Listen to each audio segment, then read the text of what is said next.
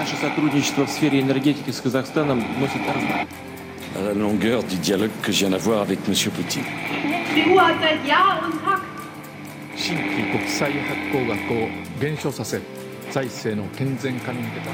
Símbolo del fascismo en Sudamérica. मगर मुझे पाकिस्तान जाना है जमहूरियत की जदोजहद Emmanuel Macron ble den 14. mai i fjor valgt til Frankrikes nye president. 39 år gammel ble han den yngste presidenten i landets historie. Hvilke utfordringer sto han da overfor, og hva har han fått til i løpet av året som har gått? Midt under brexit-forhandlingene og Trumps stadig mer proteksjonistiske handelspolitikk var det ikke uten utfordringer at Macron tok over presidentembetet. Han har tydelig uttrykket sin entusiasme for EU og liberal handel, og jobber aktivt for å overbevise det franske folk om viktigheten av nettopp dette. Internt i Frankrike må Macron løse utfordringer som arbeidsledighet, økt polarisering og sosial ekskludering. Internasjonalt har hans gode og tilsynelatende nære forhold til president Donald Trump fått mye oppmerksomhet. Velkommen til denne ukens sending, hvor temaet er ett år med makrå. Med meg i studio har jeg Olav Hvitsvang og Magnus Nordahl Røtnes. Mitt navn er Kjerstin Bråten. Du hører på utenriksmagasinet MIR. Vi skal først, gå litt nærmere inn på hvem Emmanuel Macron er som person. Har du selv hatt samtale med Meshal? Nei. Kan vi ikke ta eh, opp opptaket på dette eh, på ny? Hvis du heller ikke fikk med deg alle spørsmål, kan du høre alle våre sendinger på iTunes og srib.no. Emmanuel Macron har altså vært Frankrikes president i nesten et år nå, og navnet hans er nok kjent for de fleste, Magnus. Men hva er det verdt å vite om han som person? Du nevnte det litt i uh, introduksjonen. Han er den yngste presidenten i Frankrikes historie.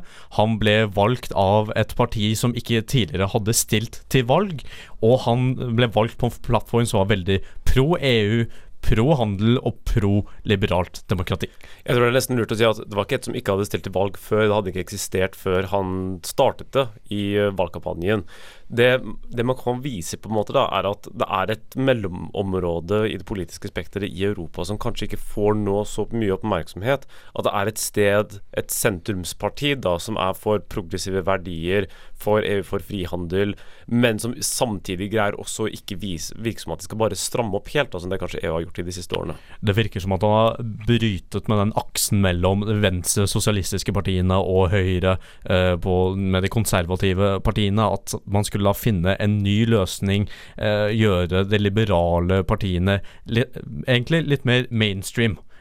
Men for han har jo en tidligere politisk historie, Olav. Kan ikke du fortelle litt om hvilke partier han har hatt tilhørighet til før han startet sitt eget? Altså Han var jo uh, finansminister under uh, Hollande for, i, for Sosialistpartiet, som uh, satt, hadde sittet nå i hva var det, fem år. De hadde, satt jo ikke så veldig lenge. Så han har jo politisk erfaring. Han har også jobbet for Rothschild-banken, så han har jo vet jo hvordan det interne funker i toppsjiktet i Frankrike. Det som er spesielt med han, det er jo at han ikke nødvendigvis kommer fra den øverste prosenten innad i Frankrike, som gjør at han har litt mer bakkekontakt, til tross for at han kanskje virker litt elitistisk. Og da har et bredere perspektiv da over Frankrike enn det kanskje tilsynelatende andre presidenter har hatt tidligere. Det må sies at selv om han var en del av sosialistpartiet og satt i regjering, så ble han veldig sett på som en moderat. Eh, det var mange som var skeptiske til den økonomiske politikken han førte, mente at det var rett og slett for sosialdemokratisk. Eh, han, Macron har jo også hatt en topputdanning eh, i Frankrike. Han ble veldig tidlig en toppbyråkrat fordi han sto med gode karakterer og jobbet seg oppover i det franske systemet før han da ble finansminister. Samtidig som at han har litt kulturell bagasje. Da han har jo en hva er det, bachelor i litteraturhistorie eller noe sånt. Så Filosofi jo, også. Ja, altså, så, så, han er jo ikke bare en hva skal jeg si, altså, han er jo ikke bare en bean counter, som man sier på engelsk. Han har jo noe litt annet å by på også. Men eh, Magnus, hvor ligger de ideologiske skillelinjene fra Hollande-administrasjonen og til partiet og administrasjonen som han driver nå? Det er for det meste at uh, Envars, som da er eh, partiet hans eh, nå, eller organisasjonen som da dekker partiet La République Envars, uh, det skal være mer liberalt. Det skal være ha mer fokus på ikke de klassiske høyre-venstre-aksene eller høyre-venstre type økonomisk politikk, men heller pro EU, modernisering, eh, aksept eh, overfor andre og ha veldig liberale holdninger. Det kan også være verdt å nevne at i USA, som eh, Macron var eh, veldig nylig, så holdt han en tale til kongressen der. Eh, og nå skal jeg parafrese litt grann ved å si at det Macron sa, var at vi skal ikke respektere autoritære demokratier, men vi skal respektere autoriteten til demokratier. Han, altså Partiet hans representerer kanskje ikke så veldig mye sånn hva den ene siden synes og hva den andre siden synes. Det er kanskje litt mer pragmatisk. Hva er det som egentlig funker? Som er kanskje partiprogrammet hans i veldig korte trekk. Ja. Men der er det jo veldig stor uenighet om, uh, om men at han har prøvd å For at måten han startet partiet, var egentlig en massiv spunderundersøkelse på flere titusener franskmenn. Hva var det de faktisk brydde seg om? Hva var det de mm. syntes man måtte gjøre noe med? Og det er jo da en, et demokratisk legitimitet i veldig mye av partiprogrammet, for at det er tverrpolitisk enighet om veldig mange av tingene han har lyst til å få gjennomført. Og uh, Ola snakker om disse tingene han har lyst til å få gjennomført. Um, kan du nevne kort, Magnus, noen av hans hjertesaker i løpet av valgkampanjen? Hva er det han gikk hardest ut på i valgkampanjen? Eh, han, han, han, var hard både mot uh, de tradisjonelle høyre- og venstresiden uh, innenfor økonomisk politikk. Han sa at man trengte reformer innenfor uh, mye av den typiske industrien i Frankrike, noe som fagforeningene ble veldig irritert over. det var rett og slett modernisering av offentlig og privat sektor i Frankrike, som var Macrons hovedpunkt. Men så var det jo også da en motstand mot uh, Front National, altså populistpartiet, som, var, er, som er ekstremt fremmedfiendtlig. Og, og, kunne da likevel ta inn noen med kanskje konservative høyreside problemstillinger med i partiprogrammet hans, uten å måtte ty til å være redd for muslimer òg, da, viser jo dette her. Vi skal gå nærmere inn på Frankrikes innenrikspolitikk og se på hvilke utfordringer Macron har møtt der. Jeg har fortsatt med meg Magnus og Olav her i studio, og vi skal nå gå nærmere inn på Frankrikes innenrikspolitikk. For Frankrike har jo en rekke interne utfordringer, som bl.a. arbeidsledighet, integrering, islamistisk terror og sosiale ulikheter, for å nevne noen. Men hva er det som har vært viktigst for Macron å ta tak i nå i første omgang, Olav? Altså Frankrike er i et sånt europeisk limbo i forhold til sør-, sør og nordaksen. ikke sant? At Frankrike, til tross for at de ikke har de samme gjeldsproblemene som det Hellas, Italia, Spania og Portugal har hatt, så har de fortsatt ikke greid å være like dynamisk økonomisk som det Tyskland f.eks. har vært. Og dette her er fordi at de er litt dårlige på regnskapet sitt. De har en ekstremt stor offentlig sektor som de ikke får veldig mye igjen tilbake av. Og jeg lurer på om det er det landet som bruker mest på trygdgjeld og osv. i hele verden.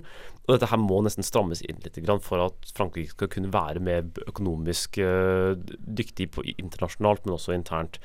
Og dette her krever visse reformer på innsiden, men det er franskmenn lite keen på å få gjennomført, for at det er noen som kommer til å tape på det.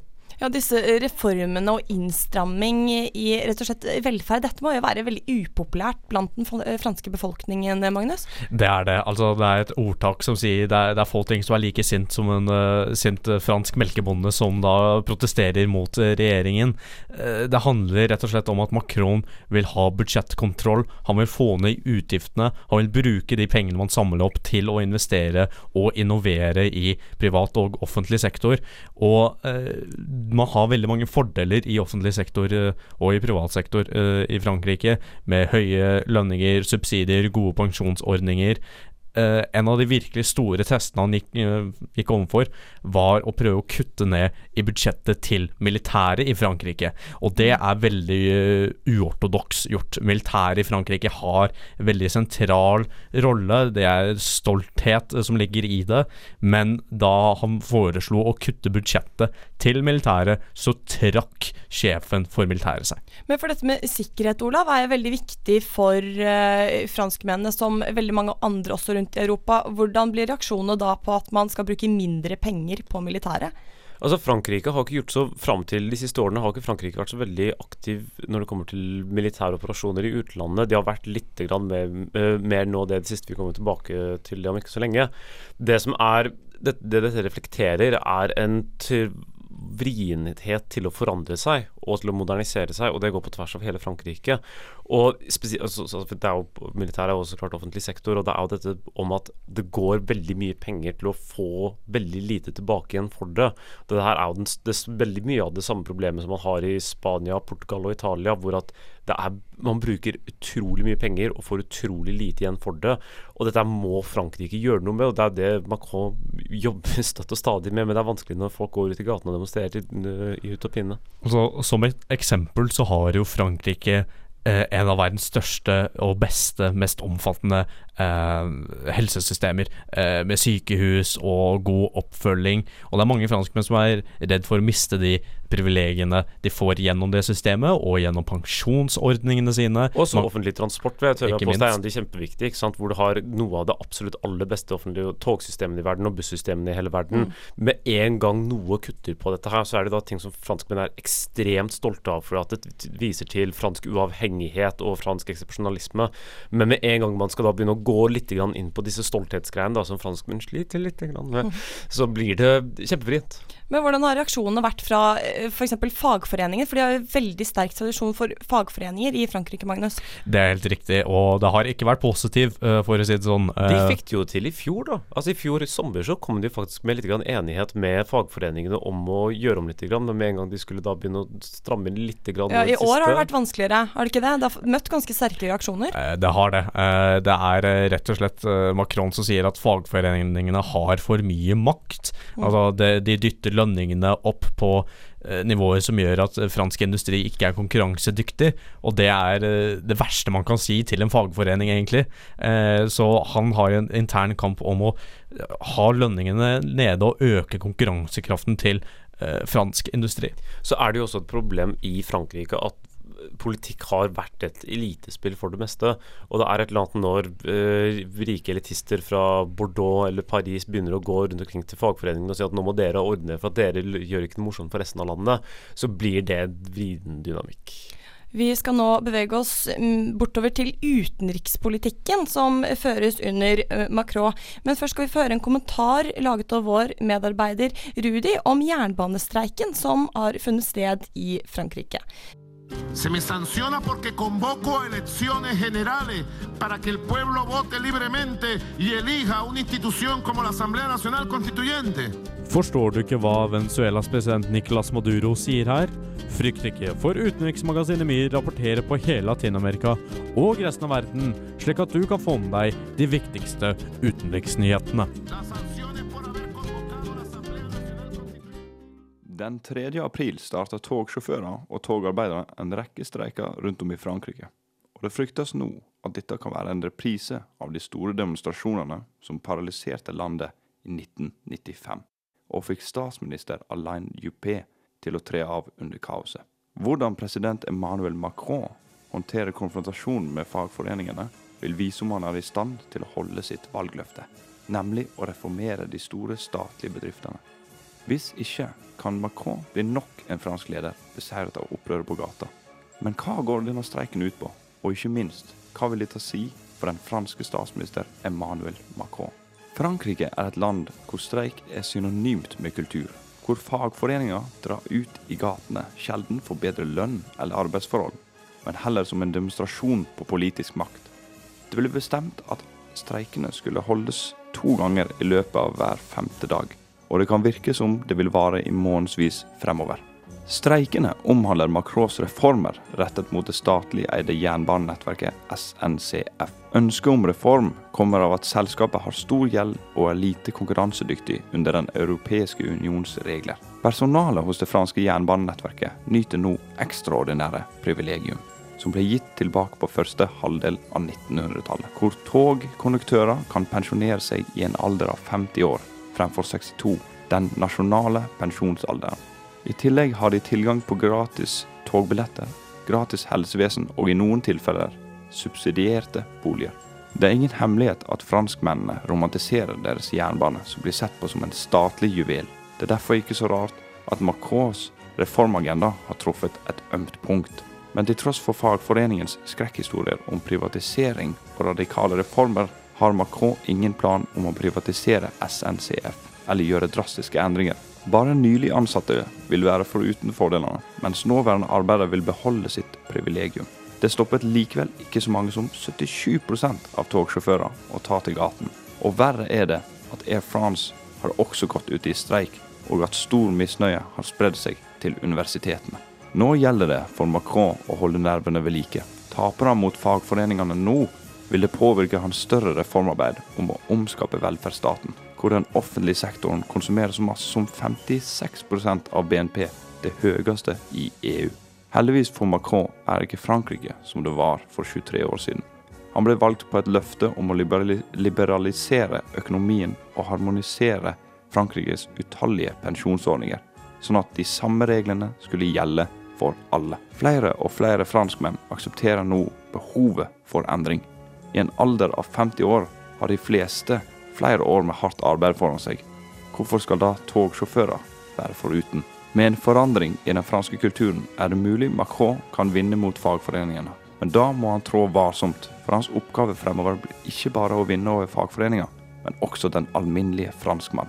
For å gjøre dette må han overtale den stille majoriteten at hans reformer handler ikke om å rive ned offentlige tjenester, men om å øke økonomisk vekst i landet. Hei, det er Marte fra Jentegarderoben. Du hører på utenriksmagasinet MIR. Det stemmer. Du hører fortsatt på utenriksmagasinet MIR her på Studentradioen i Bergen, og vi skal nå gå nærmere inn på Macrons utenrikspolitikk. For Frankrike har jo lang tradisjon for å være involvert i utviklingen av sine tidligere kolonistater, Magnus. Og har Macron gjort noen endringer i deres, deres involvering i disse områdene? Eh, da tenker jeg spesielt på Midtøsten og Vest-Afrika.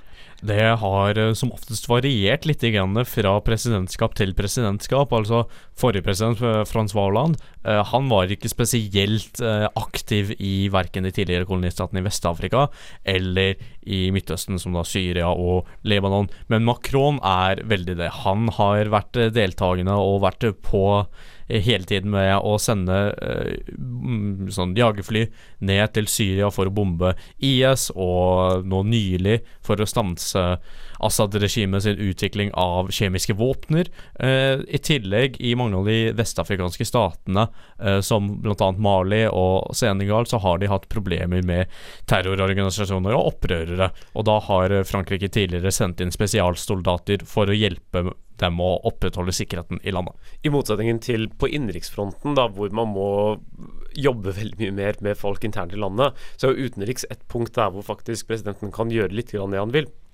Og det ser man jo veldig at Her er det lett for han å kunne markere seg. men kan, Her kan han dra på statsbesøk rundt omkring i verden. Han kan lage nye allianser og prøve å starte fra scratch. Og spesielt dette her med å kunne vise litt muskler for terrorisme hjelper jo litt på hjemmebade, men det viser også at Frankrike har nok politisk vilje og politisk altså sånn ressurskraft da, til å kunne faktisk yte og vise hva de kan i andre deler av verden. Frankrike føler en del ansvar overfor sine tidligere kolonier, og det er derfor de er veldig aktive innad i Syria, for Syria var uh, fra første til andre verdenskrig kontrollert av Frankrike. Eh, og de, Frankrike har lenge hatt en dialog med det syriske regimet, med faren til eh, Bashar al-Assad og da Assad før, han, før borgerkrigen. Og de har vært uh, veldig lenge aktive i å prøve å forhandle frem en fredsprosess, og tar initiativet til å få partene til å møtes. Du nevnte dette, Olav, med at, at jeg um, er så involvert Eh, utenriks disse områdene kan hjelpe på hjemmebane. Kan du utdype litt hvorfor det? Vel, det, Frankrike har jo vært veldig påvirket av terrorangrepet de siste årene. Og pga. at Frankrike er, er det landet med største muslimske minoritet i Europa, og de har også hva skal jeg si, Det er en av de landene hvor flest folk har dratt for å støtte IS. og kunne vi, At presidenten viser at vi ikke aksepterer dette her i utlandet eller i, altså like lite i utlandet som internt, viser jo da en politisk vilje til å da stå imot uh, islamsk terrorisme. Det var det Han brukte jo ganske god tid på det i den amerikanske kongressen ved å si at sånn, så her, vi står med dere når det kommer til å bekjempe terror. Vi, ikke, sitter ikke på sidelinjen, som går litt tilbake til uh, Irak-krigen da de ikke støttet den. Men det som jeg også synes er viktig å punktere litt med, uh, med, på utenriksfronten, er dette her med at veldig mange av disse landene her er jo i den frankofone sfæren. ikke sant? Land der hvor store deler av befolkningen fortsatt snakker fransk. Og til tross for at frank, fransk som språkmessig da begynner å gå litt grann tilbake i forhold til tysk og kinesisk f.eks., så er det fortsatt å vise at den frankofone sfæren er en viktig en på verdensbasis. Hjelper jo også da han å holde disse gamle båndene oppgående. Og Macron er jo veldig for en liberal handel på tvers av alle land i verden, Magnus. Eh, og han blir av noen sett på som den nye lederen for den frie verden. Hva vil dette si? Det vil si egentlig at uh, presidenten i USA var lenge ansett som å være lederen for den frie verden, spesielt etter annen verdenskrig med Marshall-hjelpen, hvor de ble uh, den dominerende makten. Også etter den kalde krigen, hvor USA var den eneste superstaten som overlevde. men ettersom at Donald Trump har blitt president, de har blitt mer proteksjonistiske, de ser mer innad og overlater mye av utenriksansvaret til andre stater, så har det vært en debatt hvem som skal ta opp Uh, æren uh, og ansvaret av å være lederen for den frie verden. Det ble lenge sett på som Angela Merkel i Tyskland, mm. men uh, som Tyskland som oftest pleier, så holder de seg utenfor den utenrikspolitiske sfæren, fokuserer mer på EU og seg selv innad, mens Emmanuel Macron og Frankrike har lenge hatt ambisjoner om å utvide sin innflytelse utad i verden, så det er derfor Macron prøver nå å tre inn i rollen. Spesielt nå som England trekker seg litt tilbake fra verdensscenen nå, så er det jo et visst tomrom som Frankrike har lyst til å fylle. Og de har jo veldig, i, i ganske mange år, følt å vært i skyggen av andre europeiske land. Så Macron, som har lyst til å vise hva Frankrike kan gjøre, det er jo naturlig da at han har lyst til å steppe opp på scenen. Vi skal snakke mer om utfordringene som Macron og Frankrike møter i tiden fremover. Men først skal vi få et intervju med Helge Vidar Holm, som er professor ved UiB, som er gjort av vår medarbeider Snorre Vange. Hvem var statsminister før Erna Solberg? Eh, det var en mann. Thomas. Hvilke partier sitter i regjering? Arbeiderpartiet. SV. Eh, Venstre. De Grønne, Vigrid Hvilken jobb har Sylvi Listhaug? Eh, hvem er det? Jeg har aldri hørt om henne. Hun er eh, journalist. Jeg er utenriksminister. Kunnskapsminister. Hev kunnskapsnivået ditt ved å høre på utenriksmagasinet MIR her på Studentradioen i Bergen. God ettermiddag, jeg er Snorre Asbjørnsen Vange, og i dag i studio har jeg med meg Helge Vidar Holm, som er professor emeritus ved Det humanistiske fakultetet her i Universitetet i Bergen. Ja, Helge, kan du fortelle oss litt mer om det egalitære samfunnet i Frankrike. Er dette viktig i det hele tatt i Frankrike? Ja, det er veldig viktig. Og mange ganger når man ser det utenfra, sånn som tross alt jeg gjør her fra, fra Norge, da, så kan det virke som dette egalitære nesten blir litt parodisk av og til. F.eks. så har man ikke lov da i Frankrike å, å skille mellom etnisk i, altså folk etter etnisk bakgrunn. Så hvis man vil f.eks. forsøke å kvotere inn innvandrerbarn osv. på skoler, eller opererer operere på den måten der, så må man bruke da geografiske kriterier. Altså si man bruker faktisk strøk i forskjellige byer, f.eks. For i Paris. da, hvor man kan ta en kvote fra. Men man kan ikke ta f.eks. folk av uh, afrikansk opprinnelse. eller noe sånt. Det, det bruker man overhodet ikke. I prinsippet er alle like, men det er selvfølgelig veldig mange skal vi si, svake punkter i den filosofien som, som man kan angripe dem på. Det er jo også et gammelt, eller et tidligere koloni en tidligere koloni her i Frankrike, og der er det mye å kritisere den måten som avkoloniseringen har foregått eh, på i de, disse koloniene, og hvordan eh, tidligere medlemmer av tidligere innbyggere i de koloniene ble mottatt i Frankrike. Men Helge, så har vi sånn at Frankrike har mange forskjellige religioner. Kan du utdype kanskje litt mer om dette? Altså Frankrike er jo et såkalt uh, altså, ikke, altså, De skiller mellom stat og kirke. De har en lov fra 1905 som eh, da eh, har eh, fremdeles håndheves. Og, og det er denne laicité, som det heter, altså at man er ikke-konvensjonell innenfor alt som har med politikk og statsstyre og store deler av utdannelsen osv. å gjøre. Det, det er et prinsipp som da håndheves, men som får jo en del underlige utslag når f.eks. alle disse debattene de har hatt omkring altså Først var det jo i, 19, nei, i 2004 2006 var det en debatt omkring uh, muslimsk slør, bruk av det i, i skoler som Chador. Og siden så har det blitt dette med, med burka og, og, og, og skal vi si, denne burkini som er bade, badedrakten, som, som jo var en mer komisk debatt. Som faktisk eh, Emmanuel Macron var nesten nødt til å forsvare i en debatt i, fordi at han ble angrepet av Marine Le Pen like før, altså i løpet av annen runde i presidentvalget i fjor. Men hva er den mer religiøse, historiske bakgrunnen i Frankrike, Helge? Kan du utdype litt om dette? Ja, det stemmer jo. Altså, det er jo bakgrunnen er jo det at den eh, katolske kirke hadde veldig sterk makt i, i vi si, Frankrike fra ja, gjennom middelalderen og helt frem da til for så vidt slutten av 18-årene rundt 1870 Altså i 19-årene rundt 1870 med den tredje republikken. Det var da man satte inn eh, skal vi si, denne diskusjon omkring eh, sekularisme som statlig eh, karakteristikk. Og det ble altså da munnet ut 30 år etterpå i denne loven i, i 1905.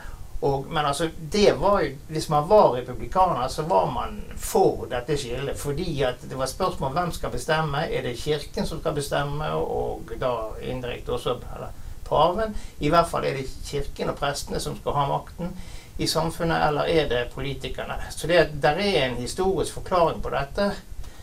For øvrig som man også har sett i Quebec, altså i, i, i Canada, den franske delen av Canada, provinsen der, hvor også kirken hadde en ekstrem stor makt frem til 1960-70-tallet, og hvor da nå polit, det politiske skal vi si, Politikerne har og, ja, forstått, også næringslivet, men først og fremst politikerne har da overtatt dette etter det de kaller for den den, den stille revolusjonen som de har hatt da i Quebec.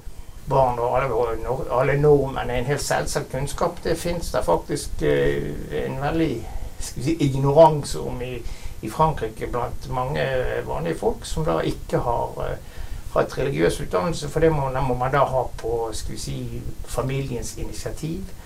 Eh, opprinnelig var det da onsdagen man satt av til det, som en ukedag hvor man hadde fri fra skole og skulle kunne eventuelt ha katekisme, som man sa, eller religiøs utdannelse. Men mange brukte jo den til sport og andre ting. For å trekke dette litt tilbake igjen til det politiske. altså Hva var det politiske før Macron? Altså hvordan skiller Emmanuel Macron seg fra det gamle og kanskje andre presidenter? Ja, Det spørs hvor langt tilbake vi skal gå. Men hvis vi går tilbake til de Gaulle, så hadde vi jo da en han, Det er jo han som har grunnlagt den femte republikk, som det heter. Det var altså i 58 og i 60 da som han fikk eh, gjennomført det med direkte valgt president.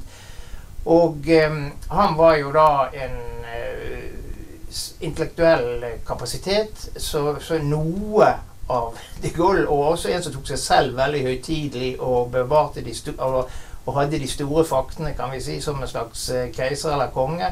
Og litt av det der har jo da Macron, i motsetning til, til Hollande, som, for, som ville være det han kalte for en president normal, altså en helt vanlig person, sånn som kanskje litt uh, ut fra skandinavisk modell. Politikerne de tar trikken og går på kino sammen med sine barn osv. blant folk. Og, og uh, vel, i hvert fall så kan vi si at eh, Macron skiller seg ut, men samtidig står han i en tradisjon. Altså både uh, de Gaulle, uh, Giscard d'Estaing, kanskje som var president fra 74 til 81.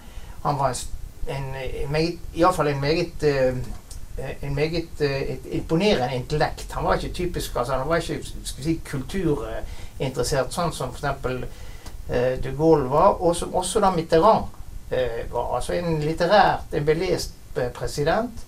Eh, Mitterrand, mens de som kom etterpå, altså da Chirac og, og, og Hollande og, og, Sarkozy de kunne vel kanskje være hyggelige og trivelige og for så vidt intelligente på sin måte, men ingen av dem var noen kulturpersonligheter. Så, så hvis vi tar akkurat den biten av spørsmålet litt, så, så er jo kan vi si, Macron han, der er, der er, der er røtter tilbake, men han er samtidig eh, forskjellig fra, fra, mange av de tidligere presidentene. Og jeg syns han er en ganske, det er en ganske motsetning mellom han og Hollande. Altså Hollande var en uh, svak president. Alt tyder på at Emmanuel Macron kommer til å bli en sterk president. Vi skal nå gå litt videre og prate om hvilke utfordringer Macron og hans administrasjon står overfor de neste årene. Hva mener du, Magnus, er de største utfordringene Macron må ta tak i og løse nå fremover? Jeg tenker Innenriks så er det mye det vi har snakket om eh, tidligere, om innovasjon, modernisering, eh, effektivisering. Gjøre fransk industri konkurransedyktig og innoverende. Gjøre at eh, mange franske intellektuelle blir i Frankrike og utvikler ny teknologi der. Eh, på utenriksfronten så er det veldig mye i EU. Få reformert eurosonen, få reformert eh, at eh, østlige EU-stater faktisk tar sin del av byrden med bl.a. innvandring, og ikke bare får alle fordelene med å være med i EU. Jeg er helt enig i dette her med å gjøre Frankrike mer konkurransedyktig er viktig. fordi at det er jo et svært land. altså det er, Hvor mange bor der nå? 60-70 millioner? Over 60 millioner. Akkurat. altså Det, det bor kjempemange. Og det har en mye yngre befolkning enn det mange andre europeiske land her. Så det har jo en humankapital som er veldig mye større enn nesten noen andre europeiske land. Samtidig så er det dette her å få et lite økonomisk løft. For at nå har det vært ganske stillestående i de siste 20 årene nesten. Ja. Og det er et eller annet når du da har en hel generasjon med folk som ikke har liksom følt et, et, et, genuint løfte, da, spesielt i det private, så blir det jo veldig stagnerende og stillestående. og Hvis, greier, hvis man greier å lage et økonomisk løft innad i landet, så kommer det til å reflekteres i resten av Europa, mest sannsynligvis. Og da har man også en mye bedre mal for hvordan man kanskje kan gjøre noen kloke beslutninger på hvordan å håndtere en litt vel stor offentlig sektor, kanskje lage noen gode tegn på hvordan man kunne være imøtekommende med fagforeninger uten at da det blir sånn greske og italienske tilstander der man bare kutter ned på alt. En annen stor utfordring som eh, Macron står overfor, er arbeidsledighet blant unge innad i Frankrike. For korrigere meg, altså Si om jeg tar feil her, Ola, men det er på sånn 10 uh, arbeidsledigheten blant unge er i Frankrike. Og spesielt blant Magreb, altså blant innvandrere og andre- og tredjegenerasjonsinnvandrere fra Nord-Afrika, fra sant, eh, Marokko, Mar og Marokko og sånt. Der man må også få gjort noe med innvandringsbefolkningen for å gjøre dem mer inkludert. Men er det da populært eh, med denne frie flyten av mennesker og arbeidskraft blant de unge som uh, ikke er i arbeid, Magnus? Tanken til eh, Macron er jo at innad i EU så skal man jo selvfølgelig ha fri flyt av arbeidskraft og kapital.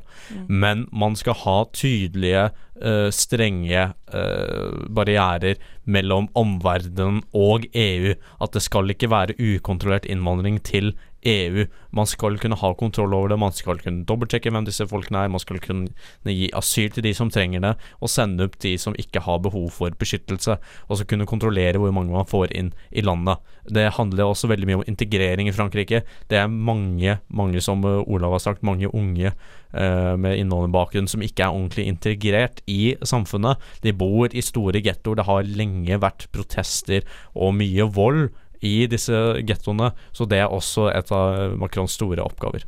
Og som han, så jeg vil anbefale alle som lytter hører på dette her, å ta en titt på talen til Macron i den amerikanske kongressen. Han sier veldig klart hva han vil ha, og der er jo multilaterale avtaler sentralt. ikke sant, at den vestlige verden lagde regelverket for hvordan den økonomiske orden er i dag. Da må Vesten spille etter de reglene og vise hvorfor den fungerer. Nå I media i siste så har det vært mye fokus på forholdet og relasjonen mellom uh, president Donald Trump og president Macron. Er dette et forhold som EU og Macron vil tjene på, tror du Magnus? Altså Det som omtales som le bromance. Uh, altså mm. det, det, er nok et forhold som Macron uh, kan tjene godt på, ved å vise at man må være pragmatisk og ikke bare være trangsynt med ideologi. Få uh, Trump til å lytte lytte ordentlig etter på hva problemene til resten av verden også står overfor. Eh, og det vil jo gi en mulighet for EU til, med Macron, å samarbeide med USA. Altså, Frankrike er jo USAs eldste allierte, og har vært det siden den amerikanske avhengighetskrigen. Og Macron gikk jo ut og sa at han hadde mest sannsynligvis ikke han hadde kanskje ikke overbevist uh, Donald Trump om å komme tilbake til Parisavtalen eller å opprettholde uh, Iran-avtalen. Men bare å forsøke på det er jo det viktige. Man kan ikke, sånn si, man kan ikke la ideologi blinde helt. Vi nærmer oss veis ende. Når vi kommer tilbake, skal vi kort snakke litt om hva som har skjedd på Koreahalvøya i natt. Men først får vi John Rice med 'Highlights'. Du hører fortsatt på utenriksmagasinet MIR, hvor vi i dag har pratet om Macrons første år som fransk president. Men vi skal nå veldig kort til slutt over på noe helt annet. For i, no, uh, i natt, norsk tid, så skjedde noe svært stort på Koreahalvøya. Magnus, hva har hendt? Det som har skjedd, er at Nord-Koreas leder, leder, Kim Jong-un har uh, gått over til Sør-Korea for fredsforhandlinger. Han møtte da Sør-Koreas pres president, og har, de, har, de, to har signert det som kalles Panmunjom-erklæringen, hvor de sier at krigen mellom Nord- og Sør-Korea skal slutte etter 68 år. De skal fjerne alle atomvåpnene fra Korea-halvøya. De skal slutte med fiendtlige handlinger mot hverandre. De skal begynne å handle. De skal, altså Presidenten Moon Jae-in, som er Sør-Koreas president, skal besøke Pyongyang nå i høst. De skal gjenopprette toglinjer mellom landene, og ved alle store sportsarrangement så skal Nord- og Sør-Korea stå samlet som ett Korea dette er vel noe vi kan se på som revolusjonerende. For når var sist gang en nordkoreansk leder var over på grensen i Sør-Korea? Det er ikke siden krigen, eh, og det er da 68 år siden. Mm. Vi håper at disse forhandlingene faktisk eh, blir holdt, og at man kommer eh, frem til noen vedvarende løsninger. Neste uke så er tema internett. Vi er ferdige for i dag. og Jeg vil takke Helge Vidar Holm, som stilte opp på intervju, og Rudi Sundal for kommentarene hans. Jeg må også takke dere i studio, Magnus Nordahl Røtnes og Olav Widsvang. Jeg må også takke vår produsent Tarjei Elias Kvamme. Mitt navn er Kjerstin Bråten. Hvis du vil høre mer fra utenriksmagasinet MIR, så finner du oss enten på Facebook og Instagram for jevnlige oppdateringer, eller så kan du finne oss på iTunes og der du hører podkast. Vi ses igjen neste uke. Takk for nå.